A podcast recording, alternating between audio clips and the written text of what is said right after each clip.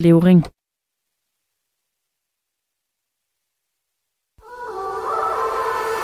Radio 4 taler med Danmark. Velkommen til Det Blå Hjørne. Din vært er Kasper Dahl.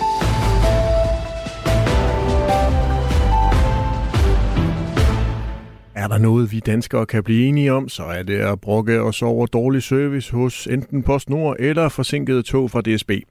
Og nu har et øh, bredt flertal i Folketinget bestemt, at det skal være slut med at kaste skattekroner efter vores allesammens postvæsen PostNord. De skal nu klare sig på helt almindelige markedsvilkår. Men kan det komme til at gå ud over ældre og danskere, der bor steder i landet med langt mellem husene? Og bør staten overhovedet være medejer af selskaber som eksempelvis PostNord, DSB eller SAS? Det skal vi forsøge at finde ud af i dag. Velkommen i Det Blå Hjørne. Du lytter til Det Blå Hjørne på Radio 4. Og med mig i dag, der har jeg som altid tre borgerlige politikere. Jens Meilvang, Liberal Alliances transportordfører, men også ordfører for landdistrikter og øer. Velkommen til i Det Blå Hjørne. Mange tak. Jens, hvornår har du egentlig sidst sendt et brev med posten? Det er meget lang tid siden. Øh, det kan jeg faktisk slet ikke huske. Det er ikke sådan, at du går ned og putter øh, konvolutter ind i den røde postkasse, hvor du bor? Nej, det, det gør jeg godt nok ikke. En gang imellem, så modtager jeg jo en pakke, hvis jeg bestiller et eller andet, jeg ikke har mulighed for at købe i mit lokalområde. Øh, det er vist sådan, det jeg bruger øh, de her pakke- og postfirmaer til, det er at modtage pakker. Ved du, hvor den nærmeste postkasse den er, der hvor du bor? Ja, det gør jeg, for det er jo faktisk ved siden af mit gamle kontor, så den gik jeg forbi hver morgen, før jeg kom i Folketinget. Så. Så det ved du trods alt. Ja. Der kan jo også godt være blevet langt mellem de røde postkasser her på det seneste, må man sige. Ja. Øh, Torsten Schack, velkommen til dig. Du er øh, Venstres finansordfører. Torsten Schack, er du, er du sådan en, der allerede er gået i gang med at skrive postkortene fra sommerferien og gøre klar til at finde en øh, postkasse og smide dem i? Nej, det kan jeg ikke, det kan jeg ikke påstå. Øh, jeg, jeg synes, det var et super godt spørgsmål, du stillede lige før. Jeg kan simpelthen ikke huske, hvornår jeg sidst har sendt et brev.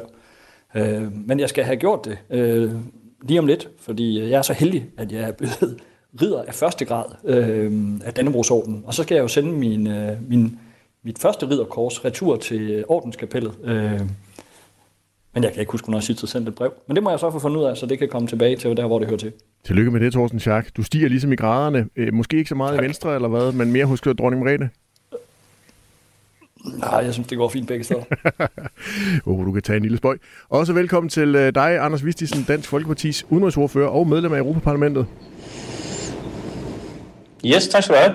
Anders Vistisen, øh, når du nu er den mest konservative, forestiller jeg mig, i, øh, i dagens panel med to andre mere liberale debattører, så forestiller jeg mig, at du er sådan en, der stadigvæk sidder og skriver breve med pen og papir og frankerer dem og sender dem afsted med det gode gamle postvæsen.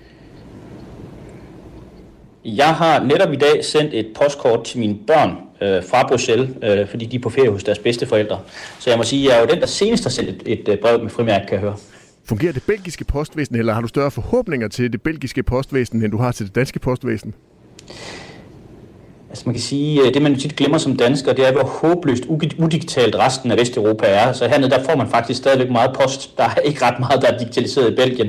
Så, øhm, så i Belgien, der fungerer postvæsenet fint, fordi alting skal øh, være i originale papirversioner, og det bliver sendt frem og tilbage med post. Det gør vi jo også her internt i Europaparlamentet med vores flyttecirkus mellem Strasbourg, Luxembourg og, og Bruxelles.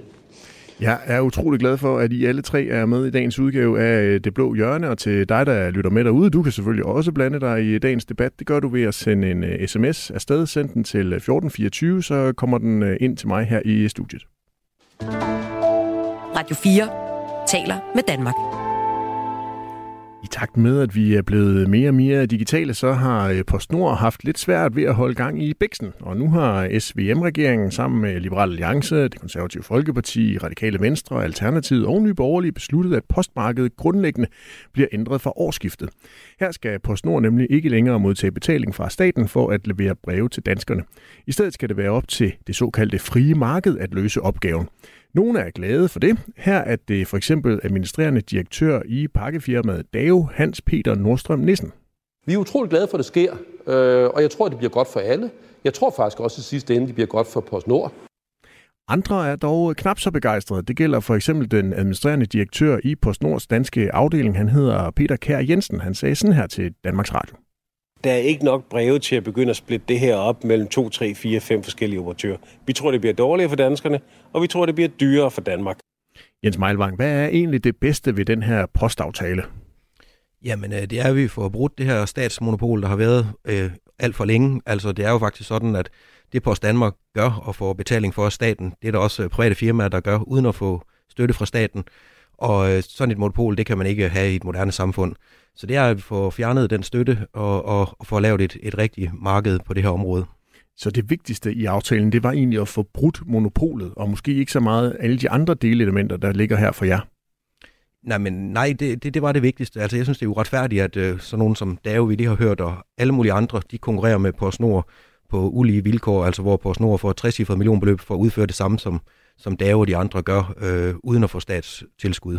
Men Jens Meilvang, sådan har vi jo mange steder i samfundet, der er jo private, der opererer på en lang række områder, hvor der også er et, øh, et, et, et offentligt tilbud.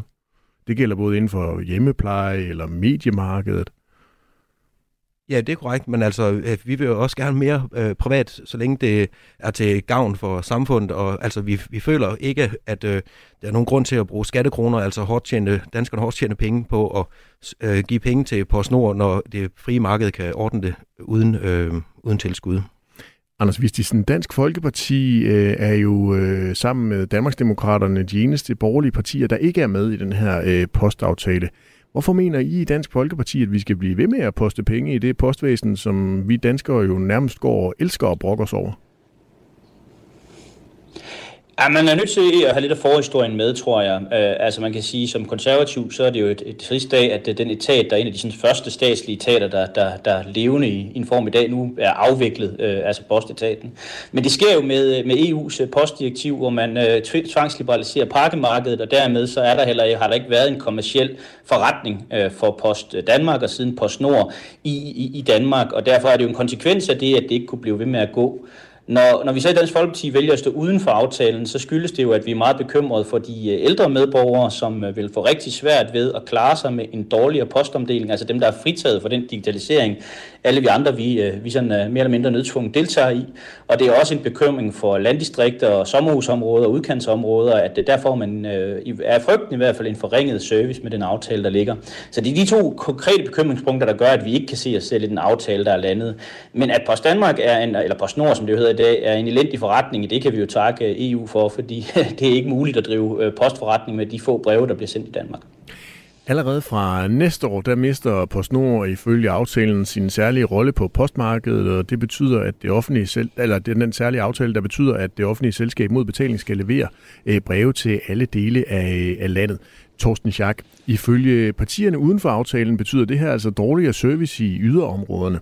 I Venstre der plejer I der at gå pænt meget op i, at folk fra landet og på de, små, på de små øer også skal have samme muligheder som folk uden for byerne. Hvorfor gør I ikke det her? Det gør vi sådan set også, for det, er, det er jo sådan set det, aftalen den, øh, den sikrer.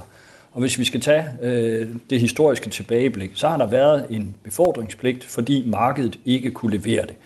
Og øh, historisk så har Post Danmark, PostNord, kunne løse den, og det var sådan set noget, de kunne gøre, uden at skulle have betaling for det, fordi de havde et monopol og kunne tjene pengene andre steder. Men siden, øh, jeg tror det er 2019, ja, der har vi så øh, betalt, øh, staten betalt sig øh, fra, at PostNord tog den her befordringspligt. Men der findes i dag konkurrerende tilbud, som på fuldstændig kommersielle vilkår sikrer, at der er landsdækkende postservice til ensartede priser, og så er det altså svært for mig at se, hvorfor man skal holde fast i et øh, gammelt statsmonopol, og hvorfor man skal poste øh, skatteborgernes penge ind i en forretning, når der eksisterer kommercielle alternativer, som sikrer, at alle danskere kan få øh, leveret post.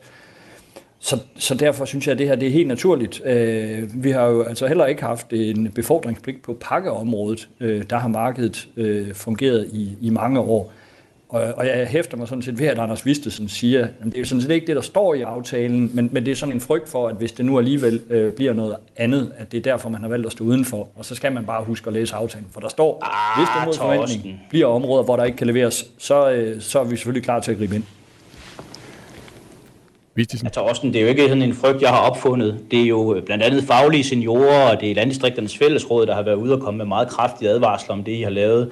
Og det er jo også, når man bor på landet, som jeg gør, øh, mine øh, naboer, altså de øh, ældre øh, inker og inkemænd, der bor langt ude af grusvejene, der lige pludselig får rigtig langt op til postkassen, og de er fritaget for, øh, for den befordringspligt, der er lagt før.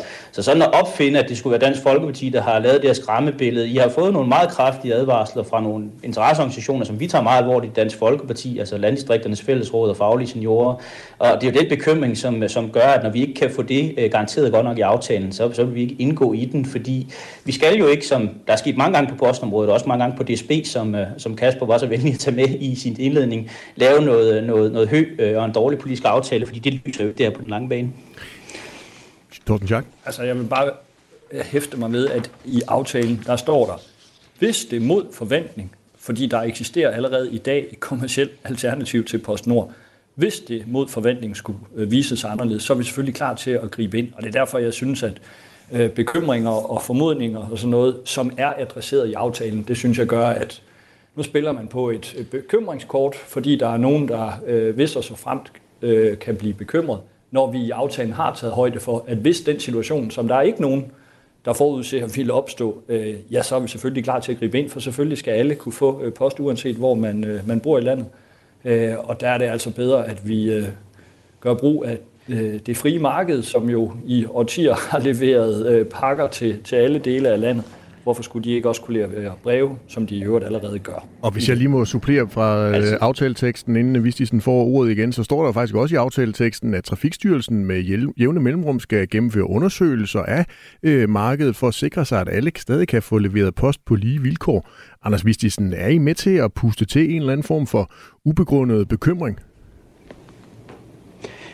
Øh, jamen, det synes jeg jo heller ikke, at, øh, at den er. Øh, fordi men når man først har afviklet den infrastruktur, der er, altså hvis PostNord, øh, det kan de ikke kan klare den her konkurrence, så kan man jo ikke bare genetablere den. Og nu bor jeg jo i en, uden for en landsby med 300 huse, og jeg ved godt, hvor de fleste af de pakker, der bliver leveret, de bliver leveret hen. De bliver leveret nede ved købmanden. De bliver ikke leveret ude ved de enkelte øh, døre. Så øh, jeg har min øh, tvivl om, at man kan øh, afvikle den her infrastruktur, og så samtidig sørge for, at for eksempel de ældre mennesker, som har et behov for at være i kontakt med det offentlige, de så også kan få det på en tilfredsstillende måde, hvor man har postomdeling mere end en gang øh, hver 14. dag. Jens Meilvang? Ja, men altså, jeg, jeg forstår heller ikke helt bekymringen for Dansk Folkeparti. Altså, det er jo, nu har jeg jo forhandlet den her aftale på vegne af Liberale Alliance, og det er jo noget af det, vi har diskuteret rigtig meget. Det er det her med landdistrikterne. Jeg er også selv landdistriktsordfører og interesserer mig rigtig meget for, at det ikke får forringet vilkår. Men jeg synes også med de tekster, der er, eller det, der er beskrevet i aftalen, og den tekst, der er lavet om, at vi følger op på det og følger det nøje, og, øh, og hvis et postselskab skal kunne kalde sig landstækkende, så skal det også være landstækkende, altså også at øh, levere brev helt ud på yderste kartoffelrække. Så, øh, så kan jeg altså ikke forstå den her bekymring. Det synes jeg også, ligesom det måske er lidt et opfundet problem øh, til lejligheden, for at man har mulighed for ligesom at være opposition til den her aftale. Øh, vi har netop taget højde for det i aftalen og følger det nøje, øh, hvad hedder det, måned for måned her til at starte på og senere over for. Øh, jeg synes ikke, øh, at der er grund til at være bekymret overhovedet. Der er øh, til gengæld nogle bekymrede lyttere, som har sendt nogle øh, sms'er ind. Lad mig lige prøve at starte med en fra Ina, som har sendt den afsted til øh, 1424. Og Jens Meilvang, det kan være, at du kan, kan berolige Ina. Hun skriver, Hejsa, jeg sender tit breve og kort, også til jul og fødselsdag. Jeg er ikke digitaliseret, så jeg håber ikke, at de fjerner de eneste røde postkasser, jeg kan finde i mit område i Vandløse. Jens Meilvang, ved du, om der bliver pillet ved postkasserne nu her? Ej, det må være op til PostNord. Det vil jeg ikke som politiker blande mig i. Øh, hvad hedder det? Men øh, det men går jeg ikke ud fra, at de gør. Men tror du, at PostNord kan blive ved med at beholde de her postkasser stående, hvis der ikke er nogen, der bruger dem? Fordi de sender breve med dage eller alle mulige andre? Ja, det vil jeg tro. Altså, hvis de skal stadigvæk øh, vil være på postmarkedet og vil være, øh, kunne levere breve rundt i Danmark, og det går jeg ud fra, at de gerne vil, så bliver de også nødt til at have et sted, hvor de, hvor de samler brevene ind. Så, så ja, jeg går da ikke ud fra, at de, de fjerner dem, men, men det er jo på, på Snors beslutning, hvordan de vil samle ind. Det kan jo også være, at de begynder at samle ind, ligesom det er jo de andre på de her pakkesteder, det, men det vil jeg jo ikke blande mig i, hvordan de gør det. Anders Vistisen? Men der taler, men der taler Jens jo lidt mod bedre vidne, fordi i, i før i tiden, der har der været nogle krav til, at PostNord kunne få de her, de her midler for at have monopolet. Og det har jo blandt andet været, hvor der skulle være postkasser og postopsamling. Og bare igen, helt min konkrete hverdag, altså PostNord vil gerne nedlægge øh, den postkasse og det postopsamlingssted, der ligger hos min købmand i Vristed. Det har de faktisk prøvet på en del gange. Det har de så ikke kunne gøre, fordi der var mere end 15 km til, den nærmeste, til det næste posthus. Når man nu liberaliserer markedet, så er der jo ikke nogen tvivl om, at de steder, hvor PostNord allerede nu har sagt, at det er en dårlig forretning at, at samle breve ind, øh, der vil de jo være nødt til, kvæg at de nu er ude i den fri konkurrence og lukke dem. Så selvfølgelig vil det her betyde, at der lukker en række postopsamlingssteder, der hvor PostNord ikke ser, at der er en kommersiel interesse i at have dem. Og når man for eksempel bor i en landsby som, som Vristed ude på den jyske hede, og man allerede to gange har forsøgt fra PostNords side at lukke det øh, posthus, der ligger hos købmanden, så tror jeg, at, øh, at man stiller folk blå i øjnene, hvis man tror, at PostNord af deres gode vilje og rene hjerte vil opretholde det, det posthus øh, fremadrettet. Torsten Schack, der er også kommet en sms fra Ulrik Jørgensen fra Nordfyn. Han har sendt den afsted til 1424. Han skriver her, Dave skal have 33 kroner for at sende et brev. 33 kroner. Jeg skal da love for, at ingen julekort bliver sendt i øh, 2024. Jeg er så rasende over, at man intet har lært af salget af TDC og Dong, og DSB bliver den næste statslige og kritiske infrastruktur, der skal sælges fra. Torsten Schack, altså 33 kroner for et brev. Det synes øh, Ulrik Jørgensen, det lyder lige, lige dyrt nok. Kan det, vi risikerer, at vi får meget dyrere post med sådan en liberalisering her? Var meningen ikke det omvendte? Det er ikke liberaliseringen, der gør, at øh, det er blevet dyrere at sende, øh, sende breve. Det er jo simpelthen, fordi mængden er, øh, er faldet. Men må jeg ikke lige slå en ting fast? Øh, jeg synes jo, at aftaleteksten den er så god, at den fortjener at blive læst op, bare i forhold til, til noget af det, som Anders Vistesen sagde. Og lad mig bare citere, for at sikre, at sårbare grupper fortsat kan modtage, modtage deres post, fastholdes den nuværende post til døren ordning. Ordningen medfører, at borgere med særlige behov kan få bragt sin post til døren. De ovennævnte ændringer således ingen konsekvenser for modtagere af post til døren. Altså bare for at sige, vi har jo tænkt os grundigt om, da vi forhandlede det her. For vi har jo kun det samme ønske om at sikre alle danskere en ordentlig øh, postbetjening, men vi forholder os bare til, til den virkelighed, der er, at markedet udvikler sig, øh, vi er blevet meget mere digitaliseret, og så er det altså noget bedre at lade øh, posten ske på, øh, på markedsvilkår, end at vi skal hælde øh, skatteyder kroner i det. For øh, jeg vil hellere bruge de penge på, øh, på noget andet. En, der ikke er øh, så bekymret, det er Leif øh, Tulberg. Han skriver ind på 1424, Dave omdeler allerede 10 millioner breve om året. De har 3600 ruter hver nat. De kommer i alle flækker. Bare roligt. Dave sætter PostNord til vægs. Anders Vistisen, Altså, vi får jo nærmest aldrig breve længere. Er det ikke kun et spørgsmål om tid, før det kun er pakker og ikke breve, der skal leveres? Jo, men det er egentlig også det, jeg indledte med at sige, at udfordringen her er jo, at EU han har tvunget øh, et opgør med monopolet igennem, fordi hvis man stadigvæk havde post- og pakkemonopol, så var der jo ikke, altså det kan man jo se i Norge, hvor man jo har haft den her udkantsdiskussion meget voldsommere, og hvor man netop den grund ikke er gået med i, øh, i, øh, i øh, hvad hedder det, øh, i, i den del af, af EU's indre marked, at man ikke vil tvinges til at privatisere øh, pakkeposten, fordi tanken var jo, at det var pakkerne, der skulle opretholde en, en okay acceptabel pris på brevområdet. Og det har man jo sådan set lykkedes med i Norge, fordi man har undgået de her EU-regler. Og det har vi så skulle slås med i Danmark øh, lige siden. Og der tror jeg bare, at man må sige, at, at øh, helt konkret, når man lever ude i den der virkelighed, så kommer der til at være forringelser for dem, der har det behov, at de skal øh, kommunikere skriftligt per brev, fordi de ikke er en del af digitaliseringen, øh, eller ikke ønsker at, øh, at være det. Og, øh, og det, det er en konsekvens, som vi kommer til at lide under. Men, øh, og hvis de private så kunne udkonkurrere PostNord, så har de jo haft øh, alle muligheder for det. Altså hvis de virkelig kunne levere, hvis de virkelig kunne levere brevene øh, billigere end det, som PostNord kunne, så har det jo ikke været forbudt for dem. Øh, som du selv siger, så øh, gør de det jo allerede i dag. Jeg tror bare, at det er meget store virksomheder, der sender rigtig mange breve, der kan få en god pris, og ikke få Jensen i kæret. Det vil jeg gerne sige noget til. Øh, hvad hedder det? Altså, selvfølgelig kan hvad hedder det, de her store post, private postfirmaer ikke udkonkurrere PostNord øh, i det marked, vi har været i nu, hvor PostNord har fået et 60 millionbeløb, plus de har haft den her momsfordel, når de leverer breve ud. Øh, det er først nu, at øh, markedskræfterne de får lov til at, at spille ind, og, og så må vi så se, hvad det, det sker. Men øh, det undrer mig ikke, at man ikke har kunnet udkonkurrere PostNord under de der forudsætninger, der har været indtil videre. Men Anders Vistisen, nu giver du langt hen ad vejen øh, EU som årsag til, at, øh, at det er gået på den her måde på postmarkedet i Danmark. Kunne man ikke også godt bare sige, at det måske bare er den teknologiske udvikling, der har gjort det? Jo, men jeg tror ikke, der er så stor forskel på den teknologiske udvikling i Danmark og i Norge. Og jeg kan jo konstatere, at Norge er det eneste skandinaviske land, der ikke har de her massive problemer med, øh, med, med postomdeling, som Danmark og Sverige har. Så der ligger nok noget i, at øh, den EU-forordning, man tvang igennem, hvor man liberaliserede postmarkedet for pakker, Det gjorde, at, øh, at der heller ikke var en kommersiel case for at have øh, brevmarkedet længere. Og det gør så, at vi er i en situation i dag, hvor der faktisk ikke er øh, kommersielle interesser i at levere breve på den måde, man kender fra, fra i gamle dage. Så jeg kan bare konstatere, at det er den eneste sådan, substantielle forskel, der er i øh, blandt de tre skandinaviske lande på det her område. Det er, at nordmændene har stået uden for øh, postdirektivet, og Danmark og Sverige er bundet af det. Men det giver jo ikke mening, hvis jeg lige må sige noget, at opretholde et øh, statsligt monopol øh, på den måde, at øh, nej, det, det går ikke økonomisk, så derfor skal de have et yderligere monopol. Nu giver vi et, et monopol på pakkerne også. Altså, det, det giver jo ikke mening. Det må jeg sige. Men det er der masser af steder, Jens, hvor du så skal til at liberalisere. Skal man så heller ikke have monopol som ledningsejer ude i elnettet eller som fjern, øh, fjernvarmeselskab? Skal det også bare sættes frit, så man kan grave parallelle øh, infrastrukturer ned ude i, i udkantsområderne, hvis man gerne vil have en anden elleverandør? Der er jo masser af steder, hvor man samfundsmæssigt har valgt, at der skal være et monopol, fordi de samfundsmæssige omkostninger i at konkurrere på et marked, hvor infrastruktur er en meget, meget tung del af det, øh, er for store. Så der er jo masser af steder, hvor jeg heller ikke tror, at Liberale Alliance ønsker, at der skal være et opgør med monopoltankegangen. Og det er jo typisk steder, hvor vi som land gerne vil have en sammenhængskraft.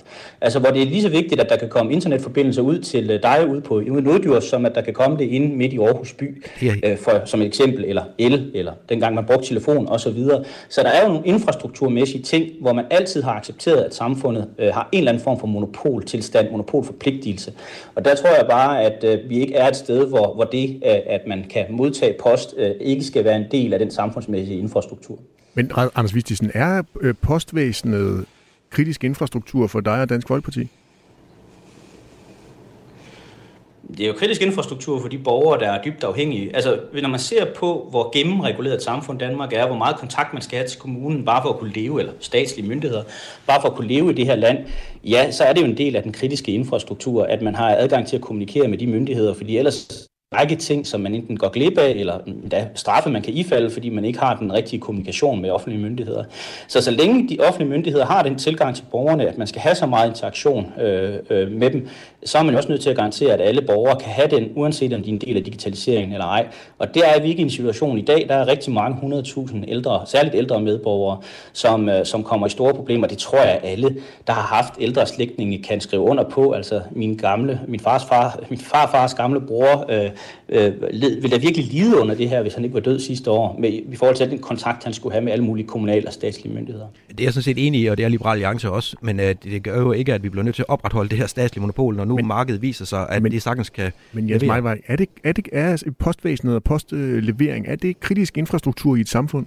Jo, det synes jeg faktisk. Altså, jeg er sådan men, enig i det, men, men skal man, så ikke, skal man så ikke understøtte det økonomisk også fra øh, staten og samfundets side? Det skal man jo ikke, hvis øh, det viser sig, at markedet faktisk øh, kan klare, klare opgaven, og endda øh, mod øh, konkurrence mod et statsligt monopol, som får tilskud og har en momsfordel, så, så er der jo ingen grund til at lige frem og, og, og opretholde et statsligt monopol, når, når, når markedet kan klare det. Heller ikke, når det er kritisk infrastruktur, altså noget, der er så vigtigt for samfundet, øh, for at vi kan få et, øh, et, have et velfungerende samfund, og virksomhederne kan øh, fungere og tjene penge, og vi kan få løn osv. osv., osv. Nej, altså når vi, vi har jo sagt, at vi følger det her nøje, og lige pludselig, hvis det viser sig, at markedet alligevel ikke kan klare det, hvilket jeg dog øh, synes vil være meget mærkeligt, når nu det ikke skal konkurrere mod et statsligt monopol længere. Men, men Jens, så, Jens Meilmann, grædbøjer du så ikke, øh, hvad der er kritisk infrastruktur, og hvad der ikke er kritisk infrastruktur? Nej, overhovedet ikke. Altså, vi er enige i, at der skal være post til hele Danmark. Uanset hvor man bor i Danmark, skal man kunne modtage og sende post.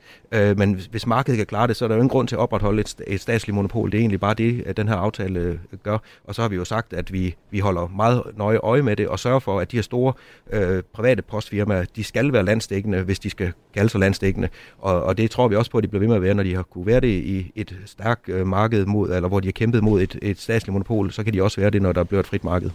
Torsten Schack, synes Venstre, at det her øh, med postomdeling, det er øh, kritisk infrastruktur i et samfund? Levering af, af, af post, at man kan modtage post, den opgave er jo uhyre central, men det er ikke ens betydende med, at du skal have et statsligt monopol til at varetage det, øh, når markedet kan, kan gøre det. Selvfølgelig synes jeg, at alle skal kan modtage post øh, i Danmark, uanset hvor man bor. Men hvorfor opretholde et statsligt monopol, når markedet kan levere det. Det giver ikke nogen mening. Og det hænger jo sammen med, at teknologien udvikler sig. Altså tidligere, der, øh, der havde vi Tele Danmark, som var det eneste teleselskab øh, i landet, og jeg vil godt nok nødig vende tilbage til en situation, hvor man sagde, ah, kan det nu betale sig at have fire forskellige mobilnet i Danmark? Var det ikke bedre at bare have et, øh, og så have et monopol? Det kunne nærmest betegnes måske som et naturligt monopol. der er der heldigvis sket rigtig, rigtig meget. Og det betyder jo, at du får konkurrence, du får innovation. Øh, jeg vil nødig betale øh, det samme for at tale i min telefon i dag, som jeg gjorde for, øh, for 20 år siden. Og det skyldes, at markedet virker, at der er konkurrence. Og derfor det, der måske historisk har været naturlige monopoler, jamen det ændrer sig over tid. Øh, og det er jo også derfor, at øh, eksempelvis togdriften, jamen der har vi jo også sat, øh, sendt dele af den i, øh, i udbud. For øh, det er jo det, at folk kan transportere sig, der er det centrale. Det er jo ikke afgørende, at øh, der står DSB på det tog, der ruller ind på perronen. Og det er sådan set det samme med, med post. Det centrale er, at folk kan modtage et brev, og ikke at der kommer en, øh, en PostNord-bil med det, men at der kommer nogen og leverer det. Og der er tiden bare løbet fra øh, et, et offentligt monopol, ligesom det er på en, en række andre områder. Og vi forsøger jo kontinuerligt at liberalisere mest muligt, fordi det er til gavn for kunderne. Øh, det øger konkurrencen, det giver skarpere priser, det giver mere innovation. Derfor øh, kan man jo også skifte elselskab øh, i dag, hvis man er utilfreds med det lokale elselskab, der dækker, hvor man bor, så er det relativt simpelt at gå ind og, og skifte elleverandør. Så øh, markedet øh, virker, og øh, alt det her gør vi grundlæggende for at sikre mere konkurrence og bedre priser for, øh, for kunderne. Anders Vistisen, i dag er Post Danmark jo en del af PostNord, men det var faktisk øh, Christian 4., der oprettede det danske postvæsen helt tilbage i 1624. Handler det her også lidt om for Dansk Folkeparti, at det er med vimod, at man øh, overlader det 400 år, øh, over 400 år gamle danske postvæsen til markedskræfterne? Jamen altså, det er da vemodigt, når et EU-direktiv smadrer øh, 400 års Danmarks historie, men, men det kan vi jo ikke, øh, altså det kan jeg da godt begræde, men, men det kan vi jo ikke øh, få postomdeling af. Øh, jeg vil også bare sige, nu er Torsten jo øh, en, en klog debattør, han er også tidligere IT- og teleordfører, han ved jo udmærket godt, at både øh, elmarkedet og øh, telemarkedet, som han er inde på, også er monopolreguleret på en række områder, netop fordi man ikke vil have konkurrerende, øh, fuldt konkurrerende infrastruktur på de der ting. Så det er da rigtigt nok, at du kan ændre den elleverandør, du køber din strøm af på papir, papiret. Det er der så også nogen, der tjener rigtig gode penge på i de her år. Men øh, ledningerne, det kan du ikke ændre. Altså hvis jeg ikke vil købe min, øh, hvis jeg vil købe min strøm, så bliver de leveret af ledninger fra det elselskab, der dækker mit område, og der er det forbudt for andre elselskaber at lægge ledninger ned. Så de der områder, Torsten han sådan fremhæver som store liberale sejre, det er jo områder, der er gennemsyret af monopolregulering og monopollovgivning, og som i øvrigt bliver kontrolleret af statslige styrelser som forsyningstilsynet. Så, så øh, det er jo lidt en sandhed med modifikationer at påstå, at det er store liberaliseringssejre. Det er jo stadigvæk områder, områder, der er dybt øh, monopoliseret, og hvor man har en samfundsmæssig interesse i, at man ikke lægger konkurrerende infrastruktur ud. Torsten Schack, det skal du lige have mulighed for at svare på helt på, kort. Kan, jo, men det er jo et godt eksempel på, at vi kan regulere os ud af det, og vi ikke behøver et statsligt ejerskab og et monopol. Øh, så det understreger sådan set bare min pointe, at øh, vi via klog lovgivning, så kan vi sikre, at der opstår konkurrence på områder, hvor der har været fravær konkurrence tidligere, og det er til gavn for forbrugerne, og det skaber innovation og udvikling støvede offentlige monopoler, det kommer der ikke noget godt ud af. Inger, hun har sendt os en sms ind på, fjor... på at... Inger har sendt os en sms på 1424. Hun skriver, skal vi nu ikke lige lade det komme an på en prøve, før det overhovedet er trådt i kraft? Bekymringerne står åbenbart i kø. Hvis det viser sig, at det ikke virker, så må der tages affære. Og så har Henrik fra Ty også sendt os en sms på 1424. Han skriver, hej, når nu de kan gribe ind i post, kan de så ikke gribe ind i forhold til SAS og DSB? Og Henrik, det kan jeg glæde dig med, at det skal vi diskutere lige om lidt i dagens udgave af Det Blå Hjørne. Men først, så skal vi lige have uddelt nogle blå mærker.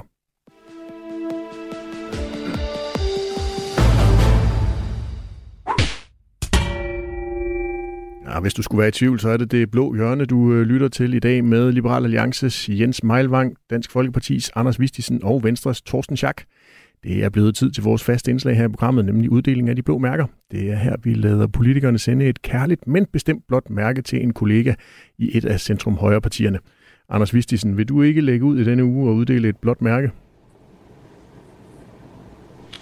Jo, det vil jeg gerne, og du ved jo ikke, om man kan kalde det et højre parti, men øh, jeg vil gerne sende det blå mærke til øh, Lars Løkke Rasmussen, øh, udenrigsministeren, Øh, jeg er simpelthen her over sommeren blevet bestormet af, af dygtige pressehenvendelser om, hvordan det sejler i Udenrigsministeriet.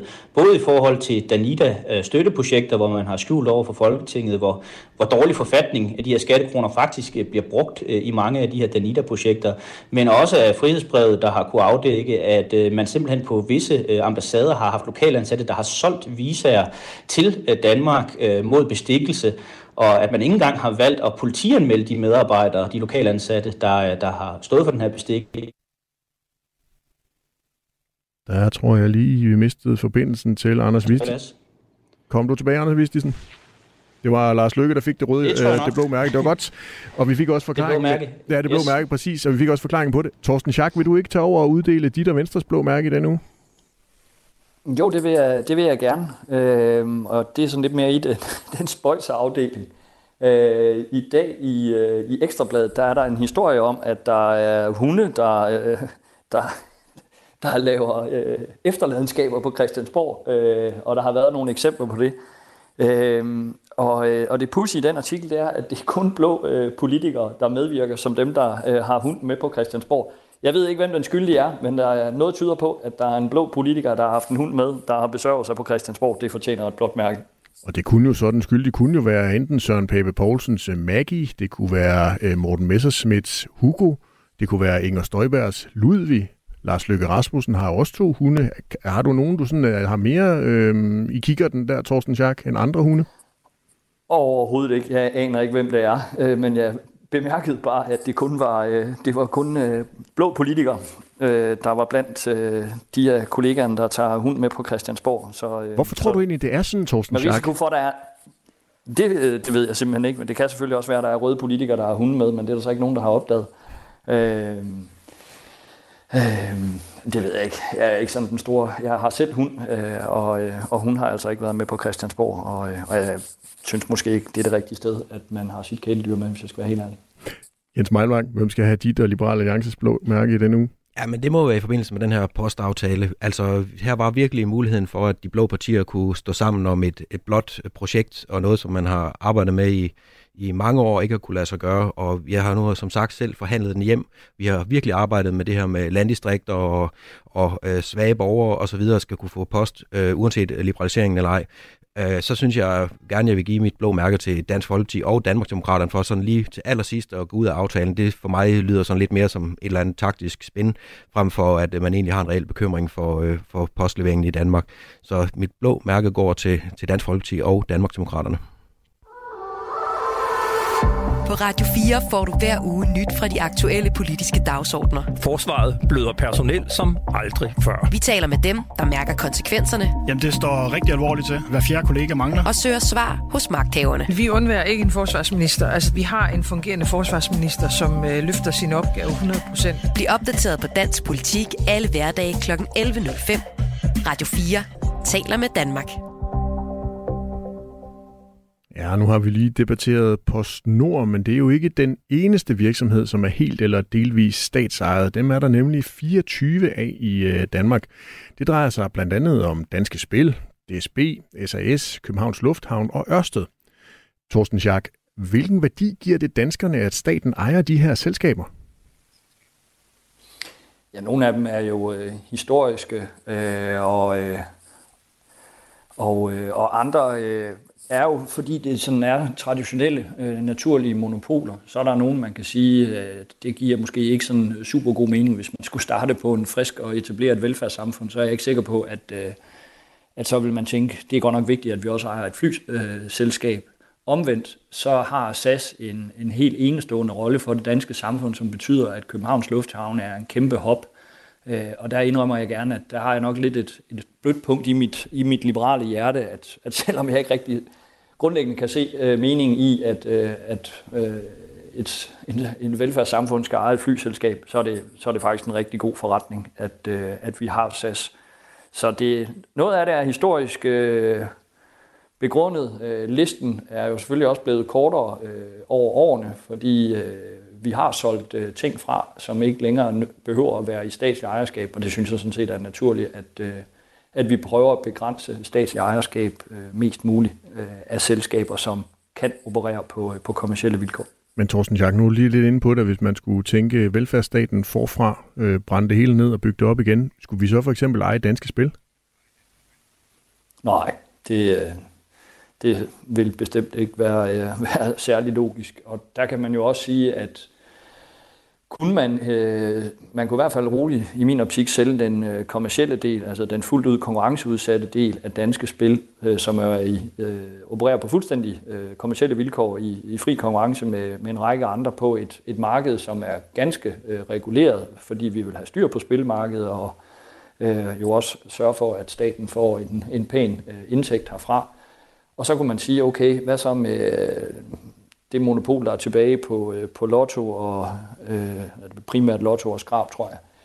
Ja, øh, det kunne man vel principielt jo også øh, privatisere med det vilkår, at en rigtig stor del af omsætningen jo går til øh, rigtig mange rigtig gode formål. Altså hele øh, Forenings Danmark modtager jo milliardbeløb om året, som, øh, som konsekvens af, af de regler, vi har for udlodning af, af danske spils monopolspil. Torsten, Torsten Schack. Øh, Torsten Schack. Det synes jeg, vi skal holde fast i. Og så er det så spørgsmålet, om, om det kan ske hos en kommersiel aktør øh, eller ej. Og, og derfor kan man i hvert fald, for mig at se, roligt dele diskussionen op i to. Altså det kommercielle, og så det... Øh, der, hvor vi alle sammen får en, en del af kagen, når, når danskerne køber en lynlotto. Torsten Schack, som sagt, der er 24 øh, selskaber, som er helt eller delvis statsejet. Det drejer sig om 14 aktieselskaber, 8 selvstændige offentlige virksomheder og to interessentselskaber. Er der andre, nu har du nævnt øh, SAS, Danske Spil, er der andre ud fra den der lange liste af virksomheder, vi har delvist eller helt ejerskab over, du tænker, vi godt kan skille os af med? Ja, nu har jeg ikke lige listen foran mig, men, men lurer mig Det kunne for eksempel være TV2. Som... tror jeg, vi mistede uh, Torsten Schack Jens Meilvang. Er der nogle af de her selskaber, du godt kunne tænke dig, og at vi uh, kom af med, så vi ikke længere skulle eje dem af staten?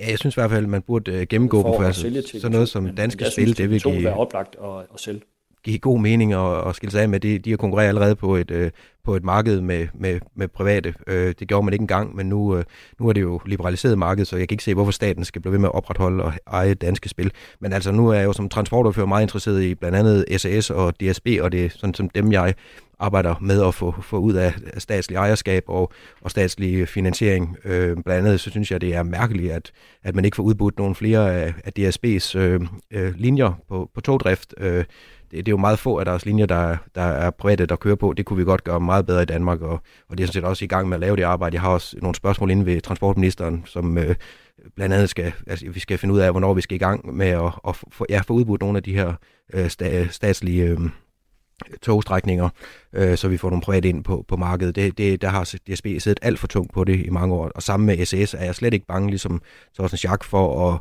øh, skille sig af med hvad hedder det, aktierne i det. Øh, de skulle jo meget gerne i forvejen konkurrere på øh, sådan helt øh, markedsvilkår, når man tænker på, og jeg tror ikke på, at de opretter øh, hvad hedder det, ruter rundt i, i Skandinavien. Det er sådan set bare historisk, at det er dem, der sidder hårdt på det marked. Øh, det tror jeg ikke, at deres aktionærer, de vil sige, at øh, jamen, vi opretter lige en rute i Stockholm, fordi det vil politikerne gerne have, og det er hyggeligt, og det har de altid gjort. Det gør de kun, hvis de skal tjene penge på det, ellers så tror jeg, de har nogle aktionærer, der bliver meget sure på dem i forvejen, så, så det burde vi sagtens skulle skille sig af med de aktier. Torsten Schack, der var lige klumper på linjen for lidt siden, men jeg har hørt dig runde af med at sige, at du var klar til at sælge TV2. Ja, det er fuldstændig korrekt. Øh, det synes jeg vil være helt naturligt. Øh, nu har jeg lige fundet listen. Altså man kan sige, at mange af de selskaber, der er tilbage i statslig ejerskab, det er jo sådan noget som Vækstfonden, øh, Udviklingsselskabet By og Havn, øh, øh, Sunderbælt Holding. Så man kan sige, der er ikke super mange af dem her, der opererer på, øh, på kommersielle vilkår. Det er måske øh, Danske Spil og TV2, der er de bedste eksempler på det, og derfor synes jeg da også, det vil være naturligt, at, øh, at de bliver overtaget af privat. Det er ikke en offentlig opgave at eje de selskaber. Anders Vistisen, hvordan ville listen se ud, hvis det var Dansk Folkeparti, der havde hals og rådret over den? Skulle der så også saneres i den og skilles nogle selskaber ud på det private marked? Mm, skal altid vurdere, øh, hvad der giver mening, men vi tror altså også på, at, at som konservativ tror man jo på, at man har, man har udviklet et af verdens bedste samfund gennem trial and error. Så der er jo en historik bag med, hvorfor man ejer det, man ejer statsligt. Og det har også en, en værdi i sig selv, man lige skal tænke over.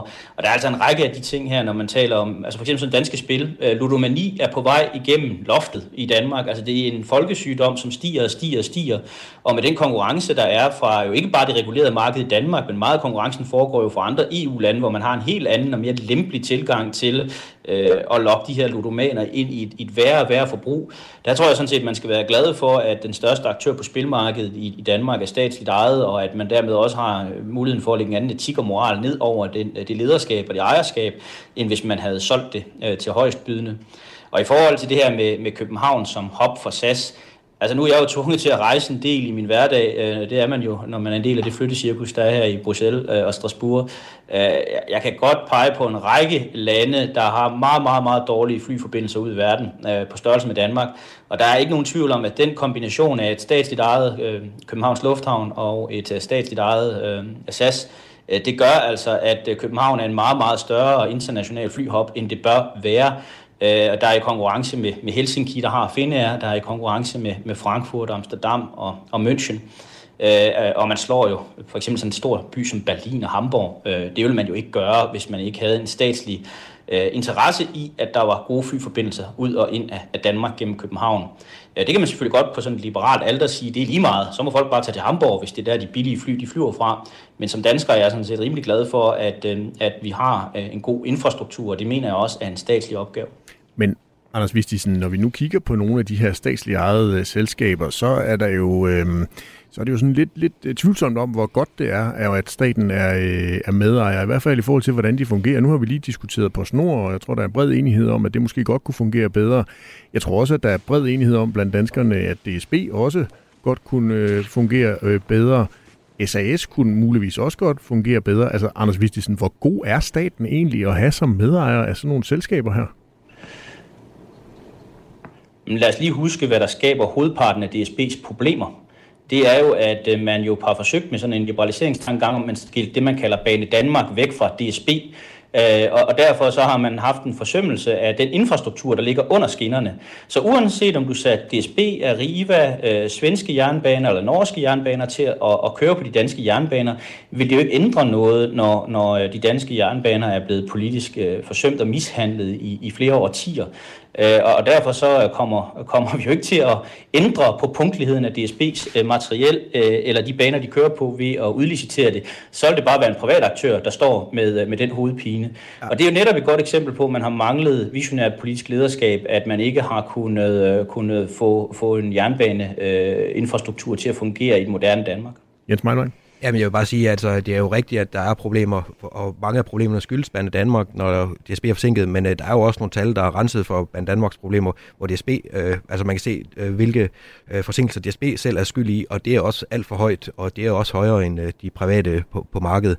Øh, og det er der, vi føler, at øh, det er sådan lidt lige meget i DSB, for de har alligevel monopol, så det er ikke noget, vi behøver sådan at gøre så meget ved. Hvis det havde været et privat virksomhed, der vidste, at de kunne miste deres øh, kontrakt, så tror jeg, at de havde oppet sig en lille smule mere end, øh, end DSB, for de har sådan set ikke nogen grund til at, øh, at gøre noget ved det, fordi de ikke har nogen konkurrence. Men Jens Meilvang, handler det om konkurrencen, eller handler det om det statslige ejerskab? Øh, altså for mig handler det jo om konkurrence, men det hænger jo sådan set øh, lidt sammen. Øh, fordi altså, hvis det stod til mig, så skulle vi jo bare udbyde langt, langt mere af DSB's øh, arbejde, og så ville det jo lige så stille heller ikke være noget statsligt ejerskab, hvis øh, det var markedet, der overtog øh, tog alt deres øh, arbejde. Anders Vistisen? Men man må jo bare sige, at de gange, man har forsøgt at, at, at, at, at skabe øh, alternativer til DSB, Arriva har jo en lille smule strækning, og så har de regionale togselskaber øh, også noget strækning. Øh, de der regionale togselskaber har jo en, en endnu lavere punktlighed end DSB, så det har jo ikke løst noget i de områder, blandt andet der, hvor jeg bor, hvor, hvor, man, hvor man driver en del af togdriften på den måde. Og, og man må jo sige, der ligger jo kontrakter både med DSB og Arriva med ministeriet, så det er jo de samme styringsmekanismer, man, man har der, der må man jo bare sige, hvis man virkelig troede, at det var bedre, hvis øh, Arriva overtog mere, øh, for eksempel, øh, så skulle man jo bare øh, prøve at lade det øh, komme an på et, et udbud, hvor begge parter kan byde, men det er nu ikke mit indtryk, at, øh, at Arriva øh, øh, sådan set øh, er i gang med at ekspandere deres forretningsmodel i Danmark. Jeg tror sådan set, de har brændt sig rigeligt på de lokalbaner, de driver øh, allerede. Det tror jeg ikke, du har ret i. Altså, jeg har der holdt mange med med Arriva. Jeg er da sikker på, at de gerne vil have noget mere at lave, og jeg er også øh, sådan meget opmærksom på, at det heller ikke kun skal være dem, der skal kunne byde på det. Vi skal ikke skabe et uh, privat monopol. Men uh, jeg er helt sikker på, uh, også med deres nye ejerskab, at de er klar til at, at, at, at byde på flere linjer her i, uh, i Danmark, og det er der også mange andre private uh, togselskaber, der er uh, fra, rundt fra i Europa. Torsten Schack, ser du og Venstre uh, muligheden for at liberalisere uh, togområdet endnu mere? Ja, jeg ser sådan set gerne, at vi får øh, sendt øh, flere strækninger i, øh, i udbud. For det er klart, når man skal konkurrere øh, med andre, så er man altså nødt til at, at stramme sig lidt an. Jeg tror faktisk, børsen i dag har en, en artikel, som viser, at på grund af udbud, øh, så sparer staten er det, øh, 7 milliarder kroner øh, årligt. Og det er jo et eksempel på, at, at konkurrence virker. Øh, og når det er muligt at lave konkurrence, eksempelvis på jernbaneområdet, øh, jamen så er jeg stor tilhænger af, at vi øh, udbreder det yderligere. Og så kan man vel også sige, at øh, statslig ejerskab af DSB har måske heller ikke øh, på alle strækninger været en kæmpe øh, succes. Altså når det har været politiske beslutninger om at indkøbe øh, IC4-tog, øh, det, det er mig bekendt ikke været en super øh, fornuftig kommersiel beslutning, men det var sådan set en, en politisk beslutning. Og der er måske mere tryg ved, at det er øh, øh, private selskaber, der, øh, der investerer i, øh, i deres selskaber, end det er os politikere, der skal sidde og lege kloge indkøber i forhold til, hvad der er det rette at investere i, hvis man, øh, hvis man driver et togselskab. Jeg synes i hvert fald, at historikken taler sit, sit tydelige sprog. Så mere konkurrence, det er til gavn for, for danskerne, og ja, ja. det udfordrer monopolerne, som jeg sagde tidligere, og det er der brug for. Jeg er helt enig med Thorsen i det her. Altså en anden sag, det var da øh, SAS skulle have yderligere tilskud fra staten. Øh, der var begyndt politikerne på Christiansborg at skulle bestemme, hvor deres, øh, de skulle have deres hovedsæde og bestemme noget med nogle ruter og noget. Øh, altså hvis det er sådan, at de en enkelte folketingspolitiker skal have et eller andet for hver gang, de øh, støtter SAS, altså det går jo ikke. Det skal jo gøres på markedsvilkår. Det skal være professionelle beslutninger, hvor deres hovedsæde skal være, og det skal være en professionel beslutning, hvor de skal have ruter osv. Øh, og det er jo bare en af grundene til, at øh, staten ikke skal eje sådan nogle selskaber, der burde være ejet af private. Torsten Schack, nu sagde du lige, at konkurrence virker, og du vil gerne have mere konkurrence. Altså, mig bekendt, så har jo staten jo med skiftende øh, regeringer i spidsen jo øh, ikke lavet andet end at sende økonomiske hjælpepakker afsted mod SAS øh, de seneste 10-15 år. Er det ikke ved at være på tide, at man så siger, okay, nu øh, skal vi så måske være tro mod vores ideologi og sige, at konkurrencen den, øh, den virker, og se om SAS kan overleve på helt almindelige markedsvilkår? Jamen, jeg har det faktisk lidt ligesom øh, som Anders Vistesen, når det gælder SAS, fordi øh, SAS og Københavns Lufthavne er øh, en uhyre vigtig aktør Så for, det der med øh, konkurrencen, der virker, Danmark, det gælder kun på øh, nogle det, særlige områder? Jeg vil sige, jeg har lidt blødt punkt for, for SAS forstået på den måde, at København er en langt større hop, end, øh, end vores øh, størrelse tilsiger, og det har kæmpe værdi for både øh, os som privatborgere, at der er super gode flyforbindelser, men det har det så sandelig også men, for vores Men tror du ikke på, at markedet vil kunne øh, generere derfor, de flyforbindelser, der gør, at København stadigvæk vil være en, en stor hop? Jeg tror, det har en stor betydning, at vi øh, historisk har understøttet SAS. Nu er der jo en rekonstruktionsproces i gang, øh, og jeg tør ikke forudsige, hvor, øh, hvor det lander hen, men jeg konstaterer bare, at, at SAS har haft en stor betydning for, at vi har et stærkt men, rutenet. Men, så jeg har lidt, lidt et blødt punkt, når det, men, når det gælder men, SAS. Men det Torsten, Torsten Schack, nu, nu, du trykker altså lige lidt på dit bløde punkt, fordi altså, kan du nævne én ting, som SAS kan, som andre flyselskaber og markedet ikke kan? Ja, SAS har Københavns Lufthavn som international hop øh, og som hovedknudepunkt. Det er der ikke andre, der har. Og vi har et ufattelig stærkt øh, rutenet ud af København, og det er til kæmpe værdi. Hvis jeg var helt sikker i min mave på, at øh, vi kunne bare slippe det hele, og det så fortsatte, så ville jeg meget gerne gøre det, men det har jeg, det har jeg ikke helt øh, sikkerheden for, at øh, det er tilfældet. Og det er derfor, vi historisk har, øh, har understøttet SAS, og, øh, og jeg håber selvfølgelig, at, øh, at SAS øh, i forbindelse med den her rekonstruktion kan blive en, øh, en god forretning, og øh, ikke skal have hjælp fra, øh, fra statskassen øh, fra tid til anden. For det er jo uholdbart, hvis øh, det statslige medejerskab gør, at, at så er selskabet ikke øh, Øh, rentabelt. Så, øh, så bliver det jo en tilbagevendende begivenhed, og det kan vi heldigvis ikke øh, gøre, men ellers så skulle vi jo hælde penge i, i SAS hvert eneste år. Det, øh, det synes jeg jo heller ikke er en brugbar løsning. Så jeg håber, at den rekonstruktion, der er i gang med SAS, sørger for, at, øh, at selskabet bliver rentabelt og stadigvæk kan fungere som øh, et flagskib for, øh, for Københavns Lufthavn og sikre, at vi har så gode flyforbindelser, som vi har. Men altså sådan som der er i dag, så burde SAS jo ikke have en eneste rute, der ikke er, hvad hedder det, er skabt på baggrund af et kommersielt øh, af, af udregningsgrundlag, altså hvor man tror, man kan tjene penge på det. Altså jeg forestiller mig altså ikke, at man sidder i SAS bestyrelse, og så sidder, nu laver vi en en ny rute til et eller andet sted i Skandinavien, og så siger vi, at ah, det kan godt nok ikke give overskud, men vi ved, at øh, politikerne de bliver glade for det, fordi så bliver vi et stort øh, luftselskab, der, øh, der er nødvendigt for den kritiske infrastruktur. Altså, SAS burde fungere sådan, som det er i dag på markedsvilkår. De er også delvis på børsen. Jeg tror altså, at deres aktionærer bliver ret øh, skuffede, hvis øh, de sidder og laver ruter, der ikke øh, burde give overskud, eller i hvert fald at det er, er grundlaget for en rute, at det er, at den skal tjene penge hjem til, til SAS. Og så kan det godt være historisk set, at der er en grund til, at vi har så mange... Det er jo godt, at vi har så mange ruter i København, og det er der sådan set dengang SAS blev stiftet, synes jeg også, det var fint nok, at det var statsligt ejet, men øh, nu er tiden gået øh, forbi det, der er så mange øh, privat ejede luftfartsselskaber, og det burde SAS også være. Torsten Schack, helt kort. Jeg er da enig i, at SAS selvfølgelig skal have en kommersiel interesse i enhver rute, de åbner, men i en, en situation, hvor øh, vi slipper tøjlerne øh, for meget, så kan der jo altså være nogle af øh, de, øh, de store luftfartsselskaber, øh, eksempelvis Lufthansa, som synes, det var sjovere at flyve en masse fly fra Kastrup til Frankfurt, fordi det samlet set vil gøre øh, man sige, deres øh, flydrift mere rentabel. Øh, og så vil vi mange miste mange af de direkte forbindelser. Så det er ud fra den betragtning, at det er ret nemt at flytte flyruterne, at, øh, at jeg har et, et lidt blødt, blødt punkt på det her område. Du lytter til Det Blå Hjørne på Radio 4. Vi skal lige nå rundt om et andet fast element her i det blå hjørne, nemlig det, vi kalder for øh, det blå barometer. Det her, vi lige tager temperaturen på kampformen i blå blok. Og på mine profiler på sociale medier, der har jeg den seneste tid ikke kunnet komme udenom venstrefolk, der præsenterer dette flotte budskab. Prøv lidt med. 99 ud af 100. Det er ret mange. Det er faktisk rigtig mange. Det er stort set alle. Så mange oplever, at deres skatter eller afgifter falder under den nuværende regering. Under den forrige regering, der var billedet det stik modsatte. Der var det 9 ud af 10, altså 9 ud af 10, der oplevede, at skatter og afgifter steg. Så Venstre gør en forskel. Med Venstre regering, der falder skatter og afgifter i stedet for at stige. Ja, her var det Venstres skatteordfører Janne Jørgensen, der havde lagt en øh, video afsted på øh, Twitter.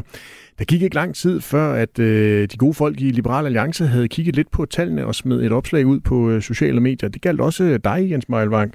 Kan du huske, hvad du lagde ud på øh, Twitter i øh, tirsdags? Ja, det var vist det her med, at, øh, at for nogle af grupperne, så var det 8 kroner om måneden, øh, de fik i skattelettelser. Øh, og så havde vi sådan lavet et sjovt opslag på, hvad man så kunne bruge det til, at man kunne spare op i to måneder, så havde man til et frimærk, til et brev og, og så videre. En ja. meget sjov opslag, synes jeg selv. Ja, men det er fuldstændig rigtigt. Hvis jeg lige skal komme øh, ramsen igennem, så foreslår øh, Liberale Alliance, at man kan bruge sin skattelettelse på to tredjedel af et frimærke, eller 10 dages medlemskab af Venstre, et besøg på et tysk motorvejstoilet, fire pakker gær, to æbler eller en dåse cola. Jens Meilbank, hvad var egentlig formålet med det her? Ja, men det er nok for at sige, at øh, altså, ja, vi håber jo, der bliver noget, der hedder en øh, blå blok igen, hvor vi kan samarbejde, og også meget gerne med, med Venstre. Øh, og øh, Venstre vil jo selvfølgelig gerne prøve at få nogle succeser frem, at de er gået i, i regering med de røde eller med Socialdemokratiet, og at de har slugt alle de her kameler med minksager og så videre. Øh, men når sandheden kommer frem, så har de egentlig ikke fået så meget igennem, sådan som vi ser det som borgerlig politik igennem. Og øh, derfor synes jeg, det er meget sjovt at tydeliggøre, at øh, de kunne nok have fået lidt større skattelettelser, hvis de var øh, gået til, en, øh, til de borgerlige. Altså nu er jeg godt klar, at der ikke var et borgerligt flertal i den her situation, men, øh, men sådan øh, fremadrettet. Anders Vistisen, glæder du dig til at få 8 kroner i skattelettelse? Ja, altså jeg kan klare mig nok øh, med eller uden. Altså jeg synes jo i virkeligheden, at Venstre skulle lægge væk på mange af de ting, som de set kan få igennem med Socialdemokratiet, som de ikke kunne få igennem med Dansk Folkeparti. Altså for eksempel afskaffelsen af Stor Bededag kunne vi aldrig nogensinde have, have gået med til i Dansk Folkeparti, hvis der havde været et blot flertal, hvor Venstre sad i regering. Og det samme kan man jo også sige om, øh, om øh, den her slagtning af seniorførtidspensionen, som øh, Venstre har fået skrevet ind i regeringsgrundlaget. Det var heller ikke noget, man kunne gøre med Dansk Folkeparti stemmer. Så jeg tilhører faktisk ikke dem, der siger, at Venstre øh, ikke får noget ud af at sidde i regering. Altså der er på mange områder, hvor de har trukket Socialdemokratiet i en, øh, i en retning, der er imponerende, som jeg i hvert fald ikke tror, at vi havde stået model til i Dansk Folkeparti. Så det skal man da give Venstre, at hvis det er den slags politik, man gerne vil have igennem, så tror jeg det faktisk, det er nemmere at få den igennem med, øh, med Socialdemokratiet. Det så vi jo også, da Lars Løkke i sin tid lavede finanslov med, med Helle thorning Schmidt. Der fik man jo mere øh, liberal politik igennem, end, end øh, jeg tror, man havde fået, hvis man skulle lave øh, politik med Dansk Folkeparti. Torsten Schack, 8 kroner i skattelettelser om måneden. Er det ikke lidt frisk at sælge det? Jeg synes, det er en super øh, kampagne, vi kører fra venstre side, for det viser, at det gør en forskel, at venstre sidder i regering. For nu oplever 99 ud af 100 danskere, at skatten falder, hvor tidligere så var det 9 ud af 10, der oplevede, at den steg.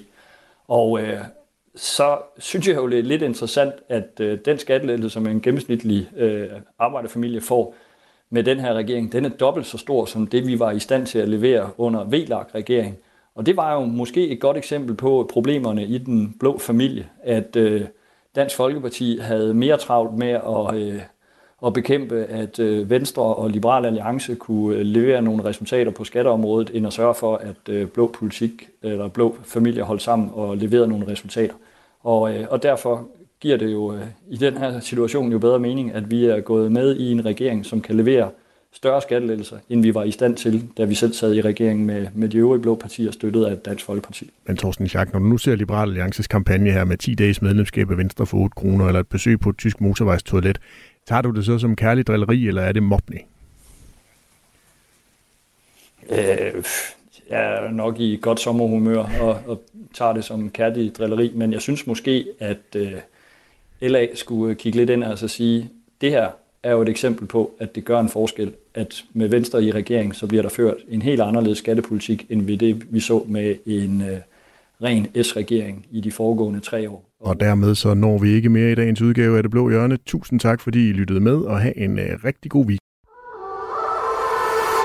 Hvis jeg siger Venstre, hvad siger du så? Krise. Thomas Larsen, hvad siger du? Sygemeldt. Selvom Folketinget er gået på sommerferie, er vi på Radio 4 klar til at tage temperaturen på, hvordan det egentlig står til i de 12 folketingspartier. Parti for parti over hele sommeren. Interne krige, sygemeldinger, falske underskrifter og formandsopgør. Jeg er slet ikke i tvivl om, der er blevet gjort meget alvorlig skade på partiet. Og hvilken vej skal partierne, når et nyt folketingsår kalder? Hele det her dramatiske formandsopgør, det gik jo faktisk så helt utroligt hurtigt. Lyt med i din sommerferie, når mandat tjekker partierne.